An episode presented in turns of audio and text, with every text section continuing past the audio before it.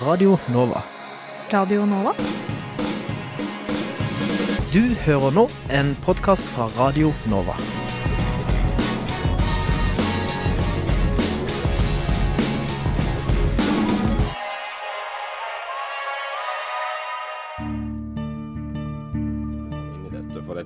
For det hadde vært siden eh, Noam Chomsky etablerte den greina lingvistikken som, som jeg befinner meg i. Vi håper jo på breiest mulig oppslutning om SV, og jeg tror at det eneste som kan få norsk løsner båndene mellom staten og kirka, og forhåpentligvis fører til tettere bånd mellom kirka og folk. Så hadde de gjort som andre fjøringsbevegelser i verden, hadde de helt legitimt kanskje tatt i våpen. Og, så direkte skildring av menneskeskjebner tror jeg ikke vi har sett i noen annen nyhetsdekning av noen annen terroraksjon. Det er såpass store forskjeller mellom den kalde krigen, hvor det var to supermakter som sto mot hverandre, eh, og den situasjonen vi har i dag. Du hører på samfunns- og aktualitetsmagasinet Opplysningen 99,3 på Radio Nova. Opplysningen 99,3 på Radio Nova.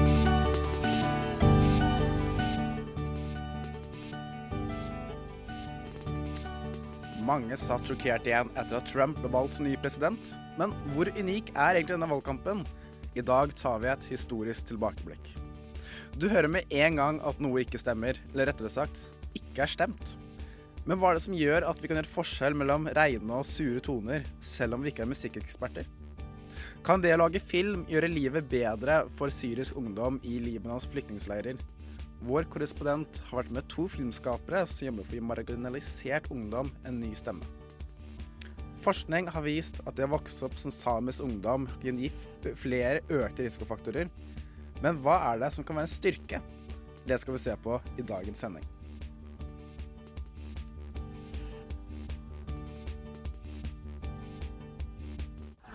En P-stasjon har en innvirkning på den enkelte nordmanns selvfølelse og identitet. De sliter, og de har ikke råd til å betale eh, markedspriser for, for gassen. Akkurat nå hører du på Radio Novas samfunns- og aktualitetsmagasin, Opplysningen 99,3.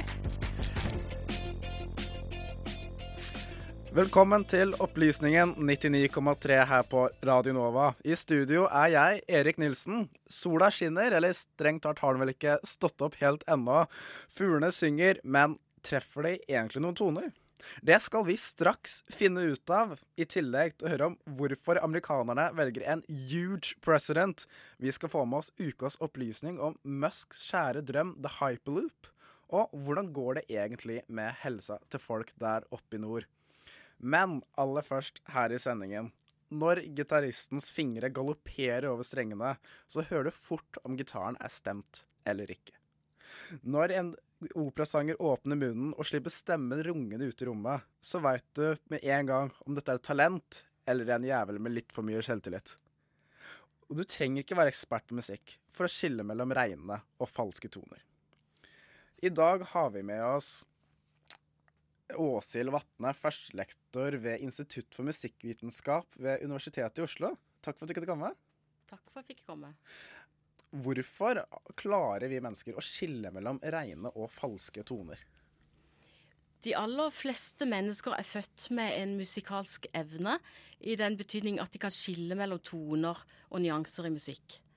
Så er noen skarpere og mer trent i øret enn andre, men de aller fleste hører ganske godt. Det er noen uh, ytterst få som har det som kalles amusi, som vil si at hjernen ikke oppfatter nyanser i musikk.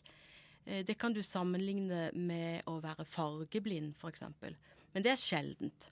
Så nevrologisk er altså mennesket født musikalsk med mulighet til å skille mellom nyanser i melodi og rytme. Men hva er egentlig da en ren tone? Ja, det vil jo være forskjellig i ulike kulturer hva som oppfattes rent eller falskt. Det vil være forskjellig i ulike musikkstiler, eller sjangre også. Eh, Det er forskjell på norsk folkemusikk eller eh, blues eller eh, Sølvguttene som skal synge, om det høres rent ut eller ikke. Mm. Eh, Jeg tenkte at vi kunne spille et uh, lite klipp uh, som du har sendt inn her. Uh, den heter 'Det er så vent' av Gro Heidi Brokke. Hvis vi bare hører det lille Det er så vint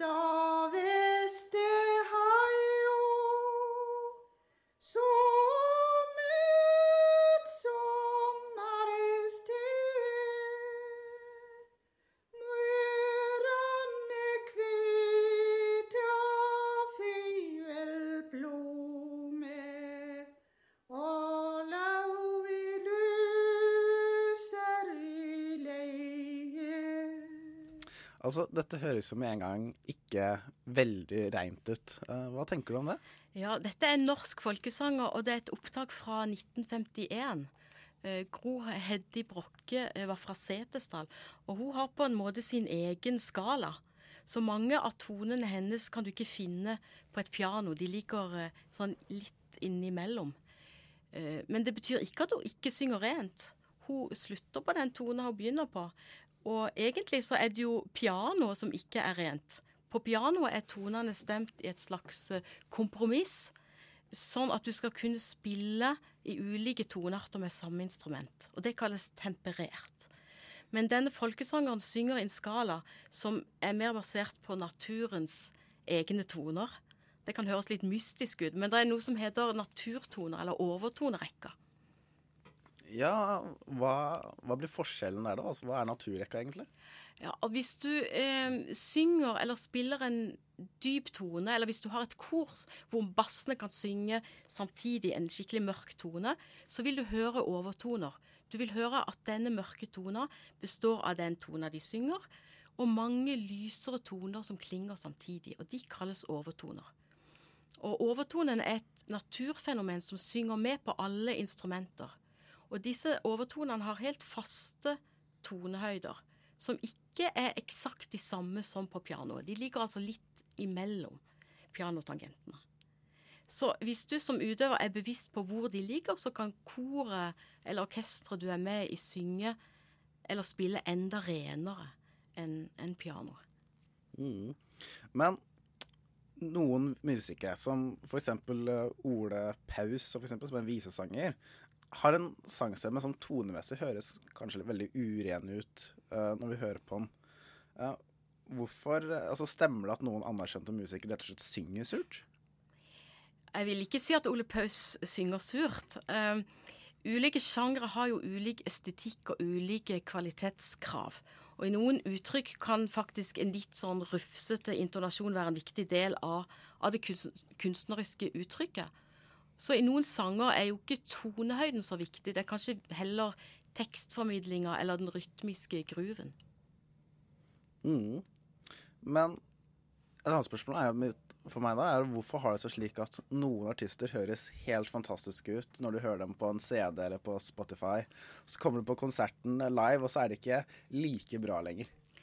Nei, det er klart Når du gjør et opptak, så kan du flikke på det. Du kan klippe og lime mellom forskjellige tagninger. Du kan justere tonehøyden og timingen, og du kan polere og pynte. Og kanskje blir det litt mer rent, men det er ikke sikkert at det blir bedre enn et liveopptak. Eh, det har sjøl opplevd, at man gjør ting i studio først. Kanskje spiller en inn én musiker av gangen. Eh, når man så har konsert og musiserer sammen, så løfter og inspirerer en hverandre gjensidig. Og det er et publikum som er med og støtter, så det kan bli mye finere og mye mer kraftfullt, selv om det blir noen sure toner her og der. Så musikeren rett og slett jukser i studio, da? Å ja. Det er, nå i våre dager med så mye teknologi, så er det mange muligheter til å jukse. Det er jo noen som aldri opptrer live også.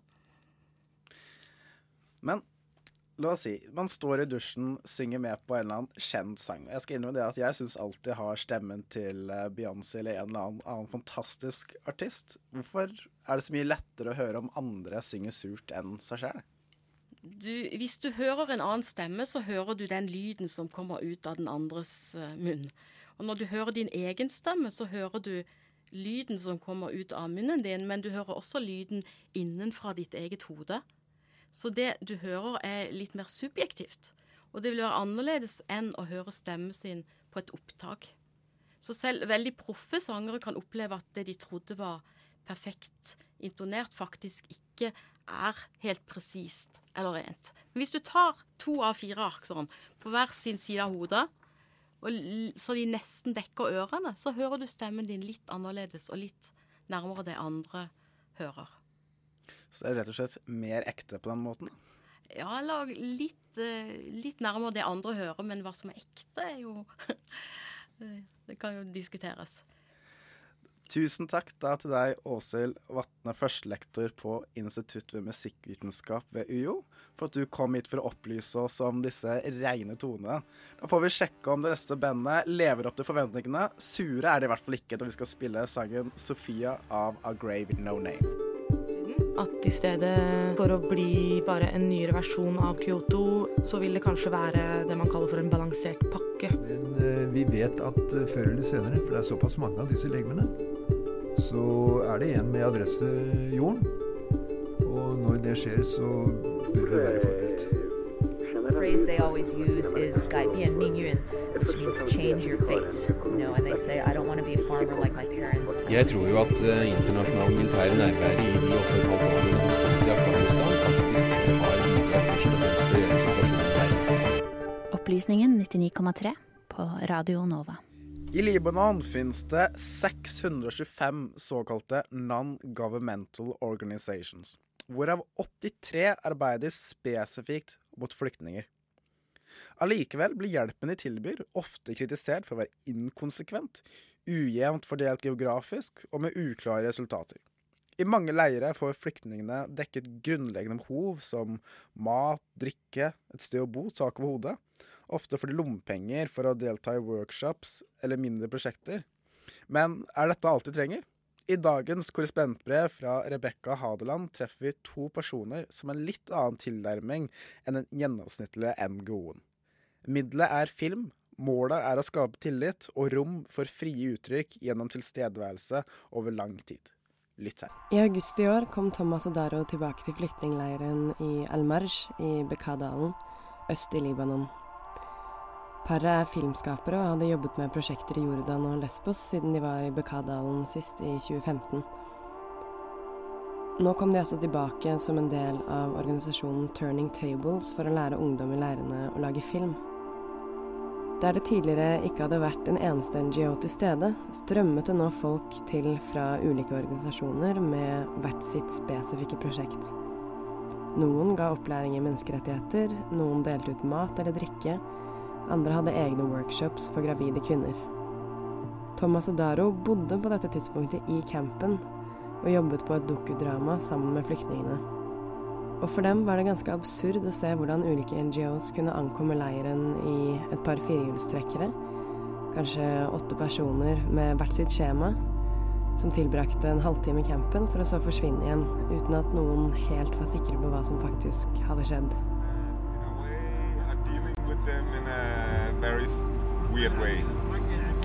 Uh, many NGOs they come for a short time and they want to do their job and then get out as quickly as possible because the place is not comfortable, it's smelly and it's depressing, whatever. Det var Thomas i bilen på vei til leiren, konkurrerende med både radioen og samtalen mellom sjåføren og Daro. They don't demand anything from them. And, and I think this is a, actually a, a huge problem that uh, the West, Western world has to uh, address. There's uh, this weird relationship between NGOs and, and, and refugees that uh, the NGOs only exist with the refugees.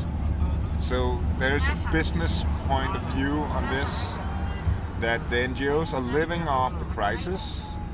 En annen organisasjon sitt initiativ gikk f.eks. ut på å lage et slags fortau ved hjelp av små steiner som de skulle legge rundt på bakken. Ideen var å sysselsette flyktningene og dermed både bygge infrastruktur i leiren og gi dem en jobb på samme tid. An organization like that, they'll, they'll document this as a project where they're doing, let's call it the infrastructure of the camp. And then they can say, uh, besides that, we also employed uh, 20 refugees in, uh, in, in doing this work. They're getting paid. Yeah, to spread out the stones or whatever. Blant elevene til Thomas og Daro, som de på dette tidspunktet kjente ganske godt, handlet det prosjektet om å spre steinene utover bakken så fort som mulig, få betalt og gå videre. And the NGOs, they need to have sponsors. And the NGOs are also competing with each other. So you have a very, very weird situation where NGOs, in a way, have to document what they're doing and the results they're creating, and they're documenting that themselves. In a way, it's like you're going to an exam and then you give give yourself a grade. Are you gonna give yourself a bad grade or a good grade? 4. og 5. november var jeg med Thomas og Daro til Al-Merj, eller Camp 001, for å se hva det er de gjør som er så enn alle de andre NGO-ene. بس كيف حسيت اليوم؟ تعب وين عبد متعب الرزاق؟ متعب متعب لانه ما حدا يرضى بس ان شاء الله عم تصورينا لا عم صور هذا ايه وين عبد الرزاق طيب؟ راح لوين؟ عيط له فوزي اه Vi sitter i en ring på gulvet i et av teltene. Meg, Thomas, Daro og 15 andre barn i alderen 12 til 16, som alle snakker i munnen på hverandre. Temaet er filmprosjektet de jobber med for tiden, som de kaller for Tattoo. Den handler om tatoveringer i leiren. En av mennene har nemlig laget en tatoveringsmaskin og driver en slags sjappe der folk kan få svidd alt fra visdomsord til gråtende øyne inn i huden. Daro klarer omsider å vri fokuset over på det de har filmet tidligere på dagen. Hun spør dem hva de har lært, og hvordan det føltes å filme i dag. بس كيف حسيت عم تعلم تعلمت شوي من سبت امبارح؟ الحكي ببطء ايه ونعمل فيديو اطول ايه 14 år gamle Staffa svarer at det har vært en veldig slitsom dag, hvilket de andre kan si seg enig i. Hun sier imidlertid også at de har lært hvordan de kan stabilisere bildet ved å gjøre seg selv mer stabile. Og dette med å gjøre kroppene sine mer stabile er noe flere av barna nevner. En annen ting de tar opp, er hvordan de har lært at de er avhengig av hverandre for å holde seg i ro og stabilisere kameraet.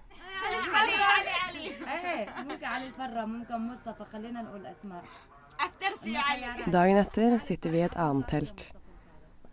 Det starter som en brainstorming mellom hovedsakelig jentene, som har lyst til å lage en film om jenter som kommer fra konservative familier og ikke får lov til å gå på skole. Derfra er samtalen innom ulike temaer som ekteskap, jobb, musikk og film. Og etter hvert kommer flere av guttene inn, og lærerne starter en slags workshop om ulike kameraperspektiver. De skal lære hvordan et bilde kan brukes som et ord, som Thomas sier det, sånn at man gjennom film kan uttrykke en mening uten å bruke språket.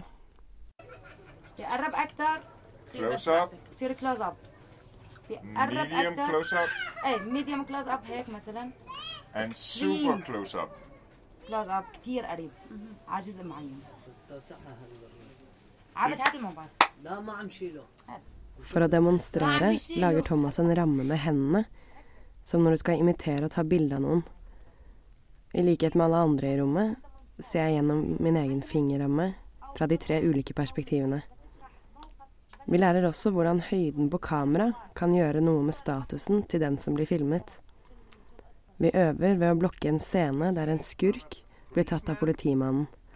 Alle bytter på å spille de to ulike rollene.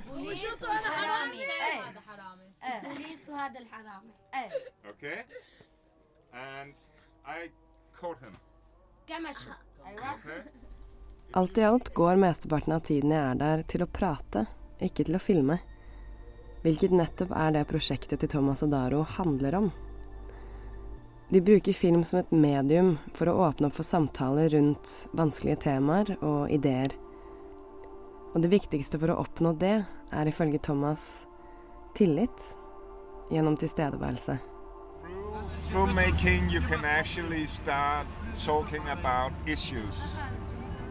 It takes a little time when, and, and the most important thing is to, to create the space of uh, comfort and uh, intimacy.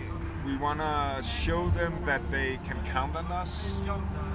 So a, a tool to do that is to show up constantly, always be in time, and also stick around for a long time. We come and then we stick around.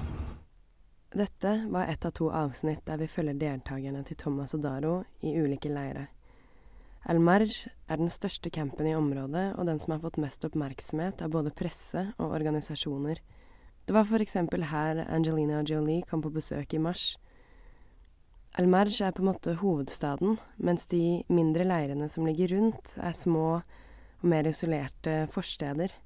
Ofte er de som bor i de mindre leirene også mer verdikonservative enn i El Marj. I neste uke skal vi til camp 005 i Majdal Anjar på andre siden av dalen. Der treffer vi 17 år gamle Yusuf, som om noen måneder skal flytte fra den bitte lille leiren i Majdal Anjar, hvor han har bodd de fem siste årene, for å studere på Kings College i London.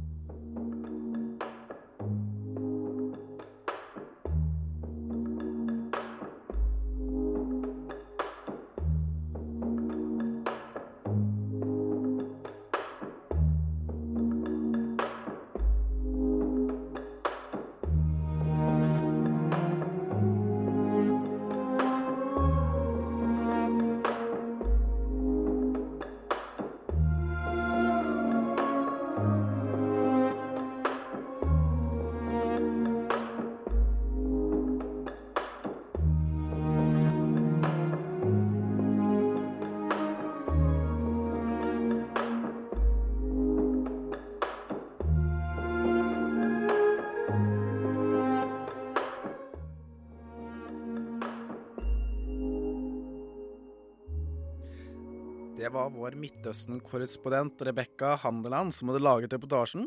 Neste uke får vi oppfølgeren. Det er jo klart for de fleste at noe, noe er galt med verdensøkonomien. Alvorlig galt. First thing I, I went into prison a young man and I got out of it a very old man. Du hører på Opplysningen 99,3 på Radio Nova. Nå kommer dagdrømmen for alle oss jernbaneentusiaster. Her er ukas opplysning om hyperloop av Marte Liane Bleken Klemetsdal.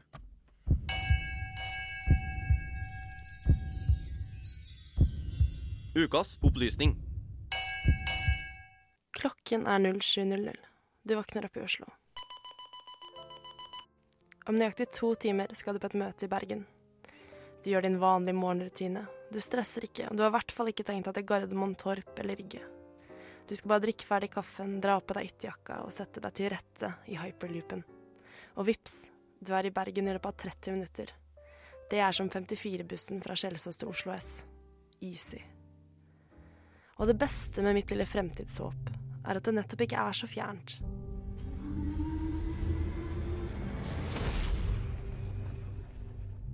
Elon Musk er litt av et menneske. Ikke bare har han funnet opp Teslaen, han har også skapt den revolusjonerende ideen om en hyperloop. I lufttette rør over bakken med hjelp av vakuum skal man i fremtiden kunne transportere kapsler i en hastighet fra 970 til 1200 km i timen. I dag jobbes det med prøvestrekningen mellom LA og San Francisco. En strekning på 560 km, som etter hvert skal sies å ta 35 minutter. Og det er faktisk lenger enn Oslo-Trondheim. Forrige uke ble det kjent at Dubai har skrevet under en kontrakt med Hyperloop One, hvor de ble enige om å utforske mulighetene for hyperloops i Dubai og generelt i Gulfregionen. Når og hvor er litt usikkert, men det sies at mye skal skje i begynnelsen av 2017. Dette er revolusjonerende.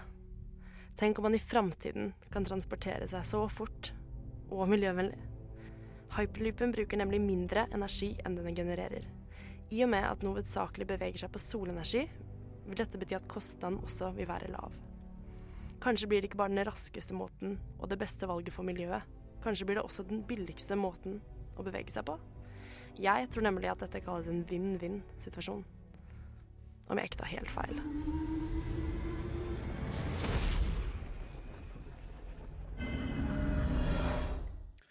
Der hørte, dere, der hørte dere Marte Klemetsdal snakke om hyperloop. Etter dette skal vi snakke om verdens siste imperie, nemlig USA.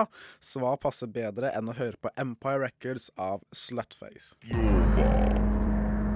Nå skal vi over til den andre siden av vår kjære planet, og for å komme dit tok jeg hyperloopen, eller kanskje det var T-banen, ned til Youngstorget og snakket med Halvard Notaker, historiker ved Oslo universitet. Ah.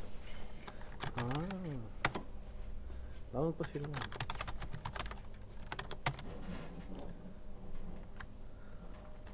Åssen uh, har du stavet etternavnet ditt igjen, da? Notaker. NOT. Der. Trykker på enter. Og så F12. Jeg står i resepsjonen på Folkets hus og sjekker inn i sikkerhetskontrollen for å få lov å komme opp på kontoret til Halvard Notaker. Kjent som USA-ekspert er han historiker, ansatt ved UiO og frilanser som bl.a. har dekket valget. Det ingen skulle tro at kunne skje, skjedde. Trump vant. Han er USAs neste president. Men hvorfor? Hvem var det egentlig som stemte på denne mannen? Nei, det jeg tenkte på, var um, Hvem var det som stemte på Trump, egentlig? Uh, også litt Han sier jo hele tiden at han skal gjøre You say great again. Men hva er det han sikter til, da? For, For hvem, ikke sant? Ja. ja. ja. Nei, for det, det skrev jeg rett om i Dagbladet for et halvt år siden. eller sånt, om uh, Jeg var i Skjer det der, eller? Nei, ikke sant? Jeg drikke, kanskje. kanskje. Jeg så på den grønne, og tenkte den er fin. uh, um, jeg var i USA i vår, og så Da kom jeg til Chicago dagen etter. Det var en stor demonstrasjon der så Trump måtte dra igjen. Mm. Uh, eller måtte. Han gjorde det for meg. Uh, det var jo ikke alle som, som mente at han trengte. Jeg snakka med en ganske morsom, men sint uh, jente som, uh, som sa uh, Det var han som bestemte seg for å dra. He just ran away like a little bitch. Heldigvis står både Dagbladet og VG valgdagen. At, så sa jeg at sjansen for Trump er helt reell. Det er jeg selvfølgelig kjempeglad for eh, etterpå. Eh, så det, det, er deilig å, å, Om jeg ikke fikk rett, så fikk jeg i hvert fall ikke feil. Mm. Um, han, som vi var inne på, han sa jo ofte det at uh, han skal gjøre USA great again. Uh, hvilke, er det noen spesiell periode han sikter til? Hva er det han snakker om, egentlig? Når var det USA var så stort? Det han snakker om, er nok en tenkt fortid, sånn som det ofte er i politikk, ikke bare hos Trump, uh, hvor de problemene som eksisterer i dag, ikke var problemer. Og i Amerika i dag så er det gjerne eh, knyttet til å ha en god og trygg eh, jobb som er der over tid, og som har god betaling og god pensjon, og som er nok til å brødfø en familie. Gjerne da at mannens jobb alene er nok til å brødfø hele familien med mor eh, hjemme som husmor. Så knytter det seg da en slags sånn eh, forestilling om en idyll til dette, hvor, hvor eh, det er vanskelig å skille helt fra hverandre det som har å gjøre med økonomi, det som har å gjøre med kjønn, eh, og kanskje i noen sammenhenger for en del ting som har å gjøre med hudfarge. Eh, denne fortiden hvor alle disse tingene var bedre og fantastisk. Den har nok eksistert i det perspektivet eh, en del steder i Midtvesten f.eks., hvor folk eh, hadde sterkt stigende levestandard i, i tiårene etter krigen og arbeidet i store industribedrifter som var eh, som var eh, ansett som de største og flotteste i verden. Og man kunne på en måte ikke tenke seg at de skulle ruste vekk og gro igjen bare noen tiår senere. Så her er det jo helt klart en legitim bekymring for hvordan det skal gå, og for hvordan ting har gått, og for eh, velstandsvekst som bare stanset for flere tiår siden.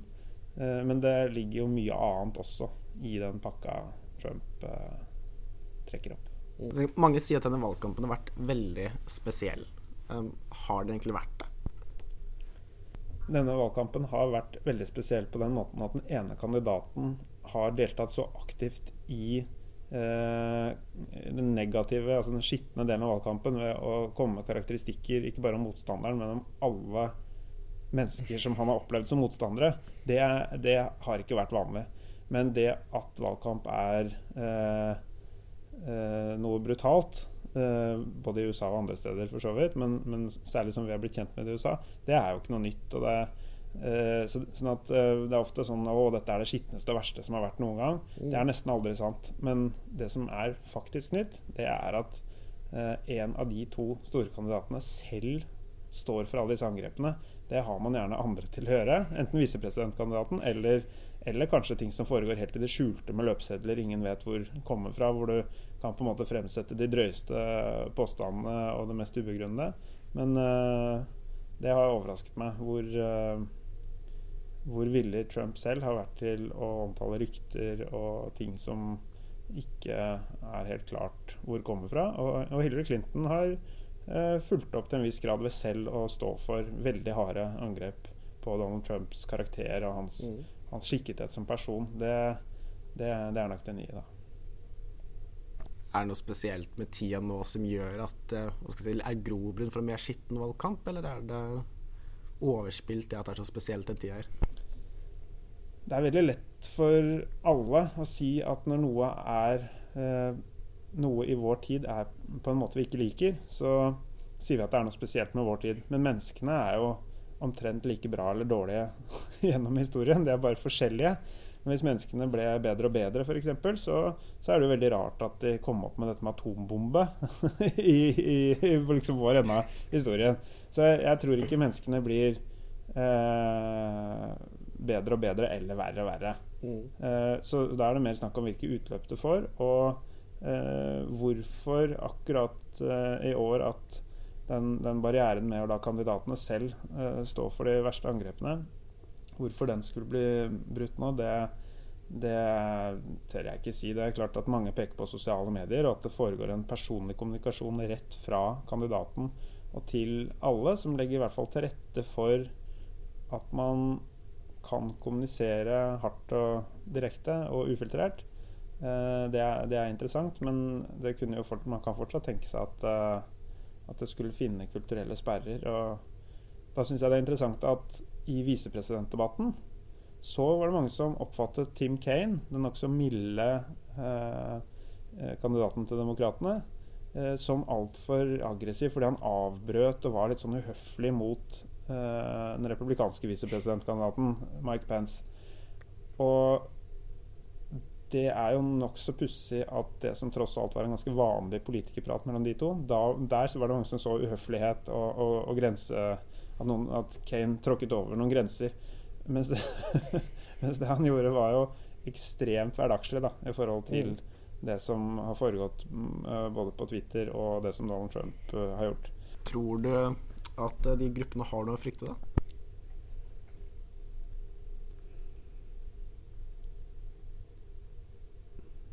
Det De gruppene som føler seg tilsidesatt og, og diskriminert mot allerede, eh, har i hvert fall ingen større grunn til optimisme eh, hvis det er sånn at det blir mer akseptabelt i den politiske retorikken å dyrke de forskjellene og dyrke de motsetningene. Det er jo Da kommer man jo ingen vei. Så kan man spørre hva med den økonomiske siden av saken, om det, hvor det da er en del som mener, i hvert fall blant Trumps tilhengere, at han vil skape en bedre økonomisk situasjon også for minoriteter. Det får vi jo vente og se på, da. Men hvis, selv hvis det skulle være sant, så er det vel mange som mener at det er viktig å skape gode holdninger og behandle hverandre bra og greie å se på hverandre som likeverdige amerikanere. Og der har vel dette slagordet 'Make America Great Again' eh, understreket at det ikke er en problemstilling man, man eh, kjenner på helt inni seg selv eh, i, i Trump-æren. Fordi eh, det er ingen stor fortid å vende tilbake til for den som føler seg eh, diskriminert på grunnlag av noe som helst, egentlig. Enten det er kjønn eller hudfarge eller religion eller noe som helst. Der eh, er det nokså åpenbart at USA er bedre i dag enn for 50 år siden. Mm. Tusen takk. Yes. Der hørte du Halvard Notaker, historiker ved Universitetet i Oslo, snakke om Trump. Reportasjen var laget av meg, Erik Nilsen. Nå skal vi snart over på samisk helse, så hva er bedre enn å varme opp med litt samisk rytmisk poesi? Her får du Mead Govlu av Slincraze. Visste du at som norsk statsborger må du betale nesten 200 000 kroner mer for en treårig bachelorgrad enn det studenter Det er et land som på en måte er eh, stadig i konflikt, og som har vært igjennom eh, mye konflikt. Markedsføringen av Norge som en fredsnasjon har en innvirkning på den enkelte nordmanns selvfølelse og identitet. De sliter, og de har ikke råd til å betale eh, markedspriser for, for gassen. Radio Novas samfunnsprogram Opplysningen 99,3 hver fredag mellom 10 og 11.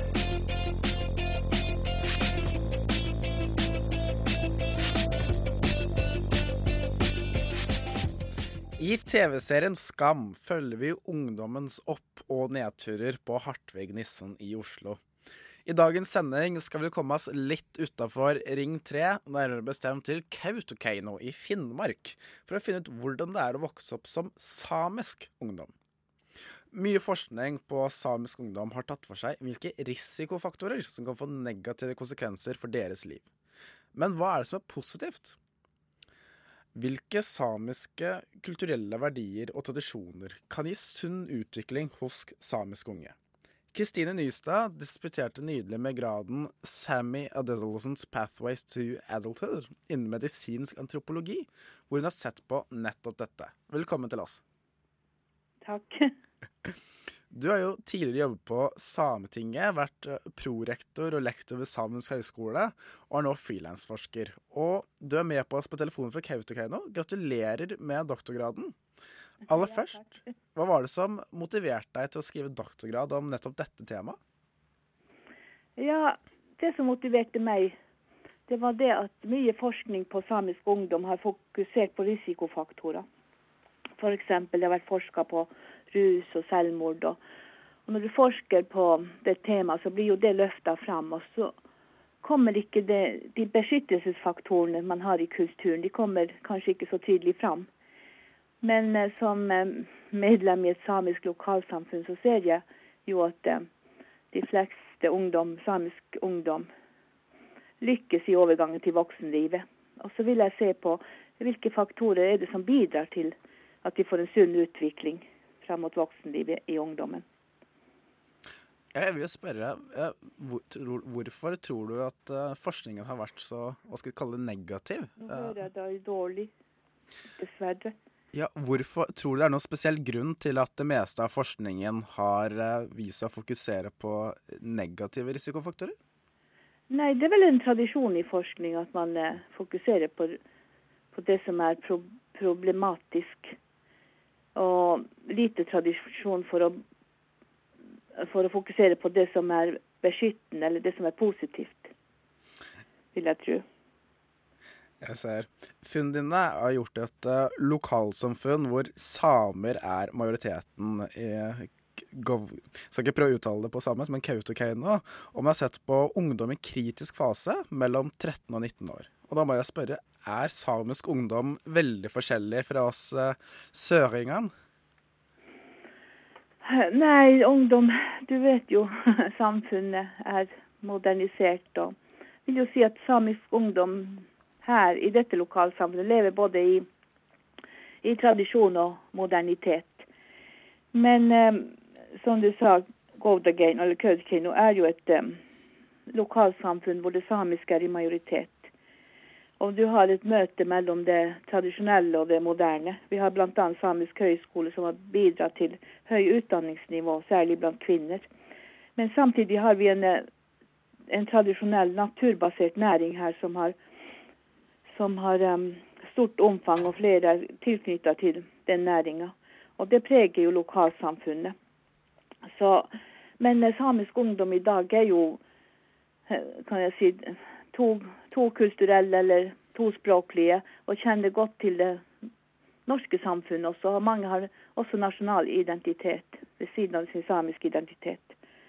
Men jeg vil si språket er jo forskjellig. og og klesdraktene og, og, verdiene, og også det samfunnet de lever i, i hvert fall i det her majoritets samiske samfunnet Kautokeino, er jo forskjellig fra, fra kanskje et, um, et bysamfunn sørpå. Ja, Du sier jo at de har både to kulturer og én nasjonal identitet og én samisk en. Gjør det at de møter noen andre utfordringer og kanskje får noen andre fordeler enn hva skal jeg si, søringene? da? Nei, det vet jeg ikke. Men det kan si at for samisk ungdom er det viktig å ha, ha sterk samisk identitet og etnisk stolthet. Slik har det jo ikke vært bestandig.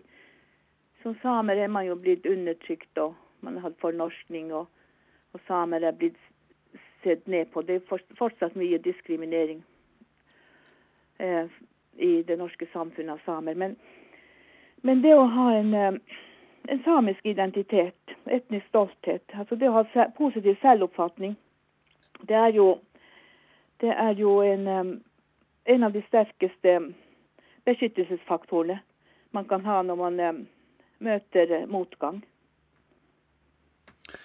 Vil jeg argumentere. Hvilken rolle spiller familien i den samiske kulturen? Ja, der har jeg jo Et av funnene er jo at, um, at samisk kultur, i hvert fall i denne konteksten hvor jeg har forska, så, så, så spiller slekta, eller storfamilien, viktig rolle. Og støtten fra sosiale nettverk, det er jo viktig når livet ikke går på skinner og alt, føles vanskelig. Og de sosiale nettverkene her, som er viste seg å være sterke og bestå av nærmeste familie, storfamilien og slekta. Og et av de funnene var at gudforeldrenettverket, som jeg kalte det, at det, mange av informantene hadde stor støtte av gudforeldrenettverket. Og det var særlig informantene som hadde tilknytning til reindrift, der det var vanlig å ha mange gudforeldre. Noen kunne ha opptil 15 gudforeldre. Det er viktig å merke seg at, den, at de ulike potensielle resiliensressursene var ulikt fordelt mellom informantene. Og det har jo noe, noe med det å gjøre at, man, at um, samfunnet er Eller pga. urbanisering og geografisk mobilitet. At uh, familien er blitt uh, Noen har flytta ut, og det er blitt større geografiske uh, avstand mellom familiemedlem, eller mellom gudbarn og gudforeldre. Men, men for de som hadde det gudforeldrenettverket, så var det, var det en um, fin støtte å ha. Ettersom jeg, sånn som jeg tolka dataene.